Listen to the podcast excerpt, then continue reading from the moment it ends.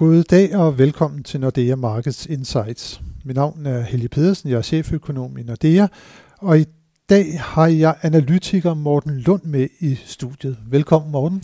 Tak Helge.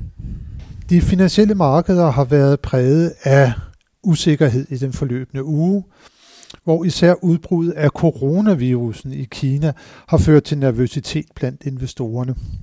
Efter at øh, Verdenssundhedsorganisationen WHO har erklæret, at der dog ikke er tale om en verdensomspændende krisesituation, er markederne dog faldet noget til ro igen. Ugen har også været præget af ECB's møde i går, torsdag, hvor renten som ventet blev holdt uændret. Og så er der kommet PMI-tal, som viser, at nedturen i europæisk økonomi formentlig er bremset. Og Morten, lad os lige tage og starte med øh, mødet i Frankfurt i den europæiske centralbank. Der kom som ventet ingen renteændringer fra øh, Lagarde og Company's side, men der har været meget fokus på det eftersyn af ECB's pengepolitik, som man nu er ved at gå i gang med. Hvad er det egentlig lige, som øh, ECB har gang i nu med sådan et øh, strategisk eftersyn? Ja, det er vel øh, et form for eftersyn, når man fører pengepolitik på den rigtige måde, og øh, måler vi de rigtige ting. Og øh, det har man altså ikke haft siden 2003, så øh, det er måske også på tide, at man kigger på det. Men sådan helt øh, konkret, så er det jo noget med, hvordan skal inflationsmålsætningen være? Hvordan skal vi måle øh, inflation?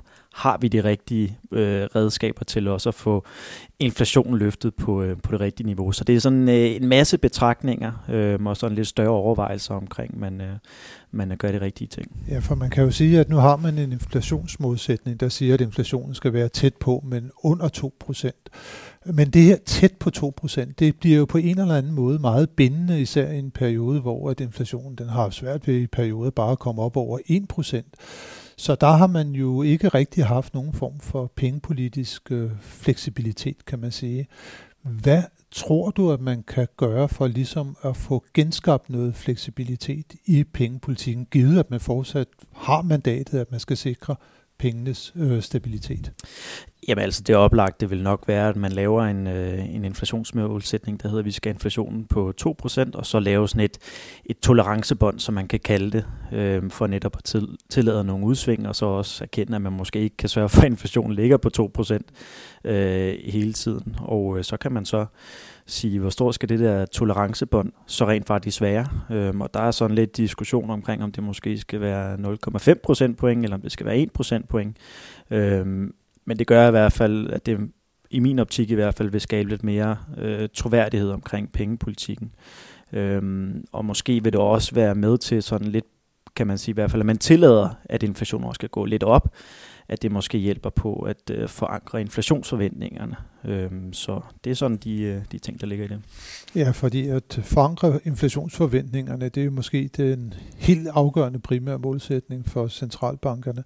Man kan jo vel sige, at hvis man tager sådan, som du nævnte, et inflationsbånd, variationsbånd, der ligger på plus minus en halv procent, så vil det sige, så vil man tolerere, at inflationen ligger mellem halvanden og to en halv procent. Nu har vi jo haft svært ved at få den op over de 2%, og der kan måske så halvanden procent være lidt for tæt på de der tæt på, men under 2%, som man gerne vil have. Så det giver måske ikke så meget mere fleksibilitet, men det giver vel sådan øh, noget troværdighed for for eksempel tyskerne, der jo altid har sagt, at en inflation på 2%, det er det, der giver os den mest stabile økonomiske udvikling. Så man kunne måske godt tænke sig, at de der magtfulde tyskere, de vil sige, at så det snæver bånd, det er en god ting at have, mens der måske var andre, der godt ville have sådan en højere grad af fleksibilitet, den der for eksempel plus minus 1 procent. Øh, hvad skal vi tro for eksempel, at de finansielle markeder de vil øh, bryde sig mest om? Ja, det er et rigtig godt spørgsmål. Man skal også huske på, at det her det er jo noget, der ligger et godt stykke ud øhm, i tiden. Jeg vil sige, i den måske optimale verden, så, så kunne man godt argumentere for, at, øh, at 0,5 procentpoint, det, det var det optimale.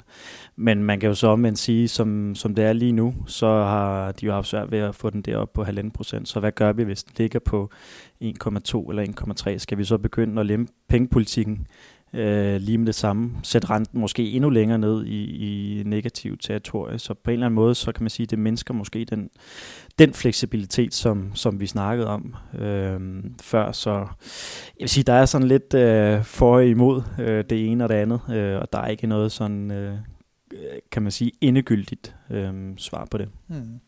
Nu er også det der, der går ind i forbrugerpriserne. Der er jo sådan noget med, at øh, ejerboliger for eksempel, de er ikke rigtig med i den måde, som man opgør inflationen på der har man jo også nogle overvejelser, om man måske skal have sådan nogle øh, boligudgifter med ind i, i billedet, og det kunne måske hjælpe lidt, fordi det er noget af det, der jo er steget rigtig meget på det seneste faktisk overalt i Europa, måske som følge af de lave renter, det er jo netop boligpriserne. Ja, altså øh, det synes jeg er meget interessant at tage med, øh, både boligpriser, der er også mange, der spørger, hvad med øh, asset inflation. Altså, øh, det kan godt være, at der ikke er så meget inflation på det her CPI-mål, vi kigger på, men der er jo også på aktiemarkederne for eksempel.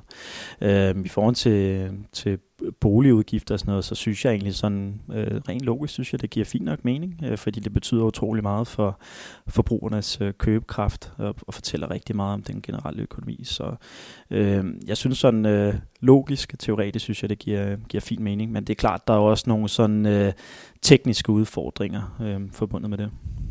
Ja, og jeg mener også, Lagarde har sagt, at det, det skal ja, i hvert fald være Eurostat, der begynder at, lidt at, få, væk og få, og få tallene ind, ja, inden det er, at vi begynder at anvende det på den måde. Og så er der jo noget andet, som der også tyder på, at der skal være med. Det er sådan hensyn til, uh, til klimaet. Alle taler klima i dag, uh, og Christine Lagarde, den, den kloge ule, som hun kalder sig selv, uh, bliver jo selvfølgelig også nødt til at have klimaet med i betragtningerne. Hvor er det, man egentlig lige ligger der så? Jamen, det er nok øh, noget omkring, at man skal købe øh, grønne obligationer måske, men det er også noget i forhold til øh, den finansielle stabilitet. Øh, jeg tror ikke, man skal forvente nogle sådan helt øh, hårde klimamål. Øh, det tror jeg, at det vil være for meget, øh, kan man sige, politisk fnider omkring det. Øh, og har man overhovedet redskaberne til at have sådan helt konkret øh, klimamål. Øh, det, vil, det er der jo nok mange, der ikke vil, vil mene. Ja, så noget, som man i hvert fald kan gøre, som, som jeg tror, der kommer til at ske, det er, at man vil stille nogle krav til bankerne, øh, som der ligger under tilsyn af den europæiske centralbank, til at de afgiver nogle stresstest, hvor eksponeret er de over for mere ekstreme klimahændelser. For man kan jo sige, hvis det er, der kommer for eksempel betydelige oversvømmelser nogle steder, det kunne også være i Danmark, så er der jo aktiver, som, der bare mister deres værdi, og dermed så kan den finansielle sektor få nogle, nogle store problemer. Så, så det ligger måske nok mest endda i den del af ECB, som der har ansvaret for det finansielle øh, tilsyn. Og, men det bliver, jo, det bliver jo super spændende at se, hvordan de her ting de forløber. Men, men mens så lidt øh, strategisk eftersyn står på, så skal vi vel ikke rigtig vente, at ECB gør noget på den, på den pengepolitiske front som sådan, eller hvad, hvad skal der til der? Jeg tror, at øh, sådan, de, øh, de agerer uafhængigt af det indtil da. Altså, det er i hvert fald det, der har været melding. Altså, så hvis økonomien går i den ene eller anden retning, så øh, udfører man pengepolitikken, som man har gjort hele og man følger de mål, indtil man har nogle nye mål. Øh, så det kommer nok ikke til sådan at betyde det helt store på den korte bane, men det er klart, at markederne vil holde selvfølgelig øje med det her, øh, og kigge på det i det sådan lidt større, brede øh, perspektiv. Og lige nu er der noget, der tyder på, at økonomien den sådan, øh, kører sådan relativt sidelæns, øh, kan man sige. Vi har fået nogle øh, PMI-tal i dag for øh, euroområdet, for de større øh, europæiske økonomier også, og de viser vel, at der er tale om en sådan en relativt stabil udvikling med en svag vækst i økonomien. Ja, det ligner lidt, at vi har nået bunden. Øh, specielt i Tyskland kom der jo nogle stærke tal.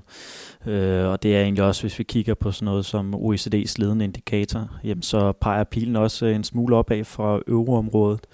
Øh, men det er, skal det jo så også siges fra, fra svage niveauer. Øh, og når vi kigger på de her PMI-tal, så sådan historisk set, så vil det niveauet lige nu også betyde, at de vil lempe pengepolitikken. Men øh, de øh, holder nok igen med, med, øh, med ammunitionen øh, i forhold til, at, at tingene peger en lille smule opad. En lille smule opad. Uh, nu kigger du jo også uh, meget på udviklingen i Storbritannien, som jo uværligt kommer til at være meget i fokus nu her, hvor vi har noget Brexit og og pengepolitisk møde, og også øh, i, i, i næste uge. Men, men, men Morten, der kom jo et super interessant PMI-tal for Storbritannien i dag. Det viste jo enorm fremgang. Ja, jeg tror endda, jeg fik uh, skrevet det op til at være det vigtigste nøgletal overhovedet i G10 i den her uge. Uh, og det, det her nøgletal, det var meget, meget interessant, fordi at øh, vi vidste jo, der var et valg i december, hvor PMI-tallene lå meget underdrejet, og så var spørgsmålet sådan, hvor stort et rebound vil vi få, hvor stor en optimisme efter at uh, Boris Johnson han, han vandt valget, vil ligesom føde over i, i det her PMI-tal. Og øh, de var rigtig høje, og øh, jeg, jeg er i hvert fald af den opfattelse, at øh, de også er så høje nu, at øh, Bank of England de, øh, de ikke vil sætte renten ned i næste uge, som der jo ellers indtil for bare en uge siden, øh, mere eller mindre, var sådan tæt på fuld indpriset i markederne. Men, øh, men markederne de er i tvivl nu. Det ligner lidt mere en, en 50-50 øh, beslutning. Det er faktisk ret interessant, for det er jo gået øh, rigtig skidt i britisk økonomi, og ja, nu skal de til at træde ud af EU her efter øh, 47 år, og usikkerheden burde være enorm, og så kommer der bare sådan et stærkt PMI-tal. Hvad søren er det, der sker over på den der gamle, gamle konservative imperieø? Det er jo optimisme. Altså, det er jo troen på, at vi kan få noget klarhed, øh, mindre usikkerhed.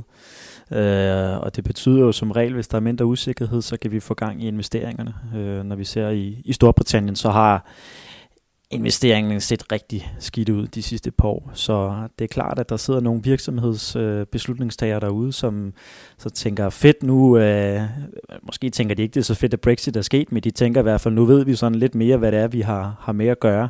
Så nu kan vi øh, bedre forholde os til det, og så få gang i investeringerne. Men hvad er det så, som vi har med at gøre nu, Morten? Fordi en ting er, at Storbritannien træder ud af EU nu her med udgang af januar måned. Men man ved jo intet om, hvordan at det fremtidige forhold til EU kommer til at blive. Nu skal man til at forhandle om det, og der er jo fortsat en risiko for det, vi kalder for et, et hårdt Brexit. Øh, hvordan er, er, din, er din holdning til, til det hele? Ja, det er jo den anden side af historien, øh, og jeg tror, at de forhandlinger kommer til at blive rigtig svære. Øh, man har 11 måneder til at få dem overstået, komme i mål med en frihandelsaftale, plus det løse, så at sige. Øh, det er der ikke nogen øh, historisk evidens for, at det lykkes for nogen. Så jeg tror, at det kommer til at blive... Øh, jeg tror, at usikkerheden kommer til at vende tilbage i, øh, i Storbritannien. Man kan sige, at der er jo en fordel den her gang. Når det er det EU eller så forhandlet frihandelsaftaler, har man nærmest startet med fra, fra, fra scratch. Men nu her er det jo med et land, der træder ud. Det vil sige, at man, det land kan jo sådan set bare overtage alt det gamle regelsæt som man, man har haft kørende nu her i 47 år, og så øh, laver man en aftale på den baggrund. Tror du ikke, at det er, det er sådan noget i den retning, som man skal gå efter, øh, at der er rigtig meget af det gamle, som der bliver taget med over i det nye, hvis det skal kunne lykkes at lande en frihandelsaftale? Jo, lige præcis. Hvis det skal kunne lykkes, øh, så tror jeg også, man gør det. Øh, og man skal så i øvrigt også huske på, at der er jo andre ting end bare lige øh, frihandel i det her. Der er ekstremt meget øh, regulering. Hvad sker der på services, og hvad sker der for banker for eksempel? Øh, så men jeg tror, at øh, jeg tror stadig, der er en, der er en okay mulighed for, at man kan få landet et eller andet, men, men som du siger, givet den her forholdsvis korte tid, så kommer det nok til at minde på mange parametre noget af det, vi allerede har, fordi at, øh, det er stort set den eneste mulighed for, at, at vi kan, kan komme i mål en, øh, en udgang af året. Så det bliver spændende at se, om PMI'erne de kan fortsætte med at stige, eller om øh, det her var en indgangsfortælelse. Ja, jeg tror ikke, man skal forvente, at de øh, bare fortsætter meget højere op. Altså på et eller andet tidspunkt, så kommer man til at blive bevidst om, at de her forhandlinger, de bliver, øh, de bliver ekstremt svære. Så øh, britisk økonomi i 2020, det kommer ikke til at blive et, øh, et jubelår. Jeg tror stadigvæk, vi kommer til at se øh, øh, BNP, BNP for, for hele året kun ligge sådan lige på den gode side af 1%, så det er jo under, hvad vi vil forvente sådan på lang sigt. Så lidt øh, svaghed fortsat for britisk økonomi hen over året. I næste uge, udover at der er møde i Bank of England, så er der et andet meget spændende øh, centralbankmøde, som vi skal holde øje med. Det er i USA, øh, hvor Forbundsbanken øh, medlemmer træder sammen igen for at diskutere øh, pengepolitikken og måske ændre på renten. Men det går jo ret godt i, øh, i amerikansk økonomi for tiden, så det her med mulige renteændringer, det, det ligger vel ikke i kortene nu. Ikke til januar i hvert fald. De kommer stensikkert til at, at holde renten i ro. Øhm, og jeg tror også, de vil sige, øh, gentage den besked, der var fra december, at de er sådan okay tilfreds med, med, hvor tingene er nu. De har lempet pengepolitikken i, i slutningen af 2019, og så venter de at se, om, om det har været nok. Øh, det har været nok, når vi kigger på servicesektoren. Øh, jobmarkedet også holder sig også rimelig øh, varmt, selvom de sidste tal for jobrapporten var en, en anelse skuffelse. Øh, skuffende. Der, hvor der stadig er lidt problemer, det er på fremstillingssektoren. Øh, de seneste tal, vi fik fra, fra ISM, der, det var de laveste siden, øh, siden den finansielle krise. Øh, så sådan summer summarum er, at de vil, de vil sige, at øh, vi er okay tilfreds, men vi øh, ser stadigvæk risikoen en smule på nedsiden. Og så skal vi jo huske på, når vi har fået den her fase 1 handelsaftale med Kina, så der er vel øh, vist håb om, at det er at den nedtur, som også fremstillingssektoren i USA har set, den også står over for en, en afslutning. Ja, helt klart. Det, det er det, som i min optik har været, øh, har været årsagen til, at fremstillingssektoren har, har kørt så dårligt. Ikke kun i USA, men også øh, i Europa og resten af verden mere eller mindre. Men øh, det i næste uge, og udover de her vigtige øh, centralbankmøder, så kan vi også nævne, at der kommer nogle andre meget vigtige nøgletal for øh, de finansielle markeder. Vi får det første BNP-tal øh, for, for fjerde kvartal for amerikansk økonomi, det bliver offentliggjort på torsdag. Der kommer Feds foretrukne inflationsmål, PCE'en, den kommer på fredag, og fra euroområdet så får vi også Øh, på, på fredag i næste uge både inflations- og BNP-tal. Så det bliver super spændende, og så endelig så kan vi jo slutte af med at sige, at vi krydder det med, at øh, vi selv, altså i Nordea, kommer på banen med en helt ny økonomisk prognose, vores Economic Outlook-serie på onsdag, og det er kl. 9.00, at den bliver offentliggjort. Så det bliver på alle måder en spændende uge, som vi ser frem imod. Tak for nu, Morten, og tak til alle jer, som har lyttet med til denne uges podcast. Det håber vi, at I også vil gøre, når vi er tilbage i næste uge med friske analyser og vurderinger af de finansielle markeder. thank you